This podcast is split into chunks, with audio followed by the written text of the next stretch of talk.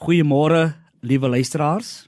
My tema kie uit Psalm 27 vers 1 is Jesus Christus my hulp en my toevlug. God was nog altyd daar as ons hulp en ons toevlug. Ons kan hom ook in die toekoms vertrou in enige situasie. Daarom kan ons ons ook voluit aan hom wy en hom dien, selfs al gaan dit sleg met ons. Glo u dit vanoggend? God dra ons deur die goeie en slegte tye in ons lewe. Ongeag wat die omstandighede in sy huis en hoe dreigend die aanvalle van buite is, God is ons beskermer in elke situasie.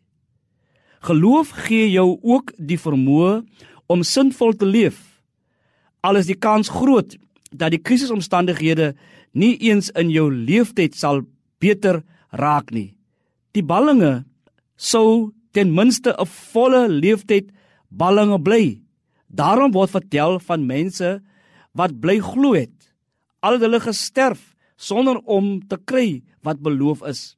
Hulle het dit wel uit die verte gesien en om sin te beleef hang dit dus nie primêr af van die plek waar ons ons bevind nie, maar eerder van die wêreld wat Jesus vir ons oopgemaak het. Psalm 27 wil ons leer dat God was nog altyd daar as ons hulp en ons toevlug.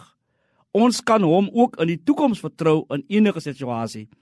Die wonderlike is dat God ons nooit alleen los nie.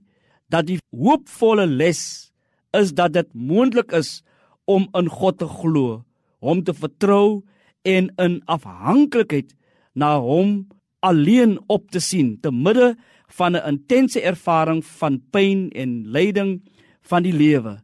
Nog 'n les is dat die gelowiges dit nie altyd reg kry om rustig deur die pyn, lyding en die verlies van 'n geliefde deur die dood te gaan nie. Daar is oomblikke wanneer ons meen om dit reg te kry, Maar dan is daar oomblikke wanneer ons beheer verloor en oorval word deur vrees en angs. Want ons as mense is nie van yster gemaak nie. Daarom gebeur dit soms dat die slegte dinge, die pyn, lyding, hartseer wat oor ons kom, ons ontstel en ons bang maak. Ons kan met ons nood na Jesus kom. Kom ons bid met mekaar saam. Dankie Here dat ek my lewe aan U oorgee. Dankie dat ek dit kan gedenk.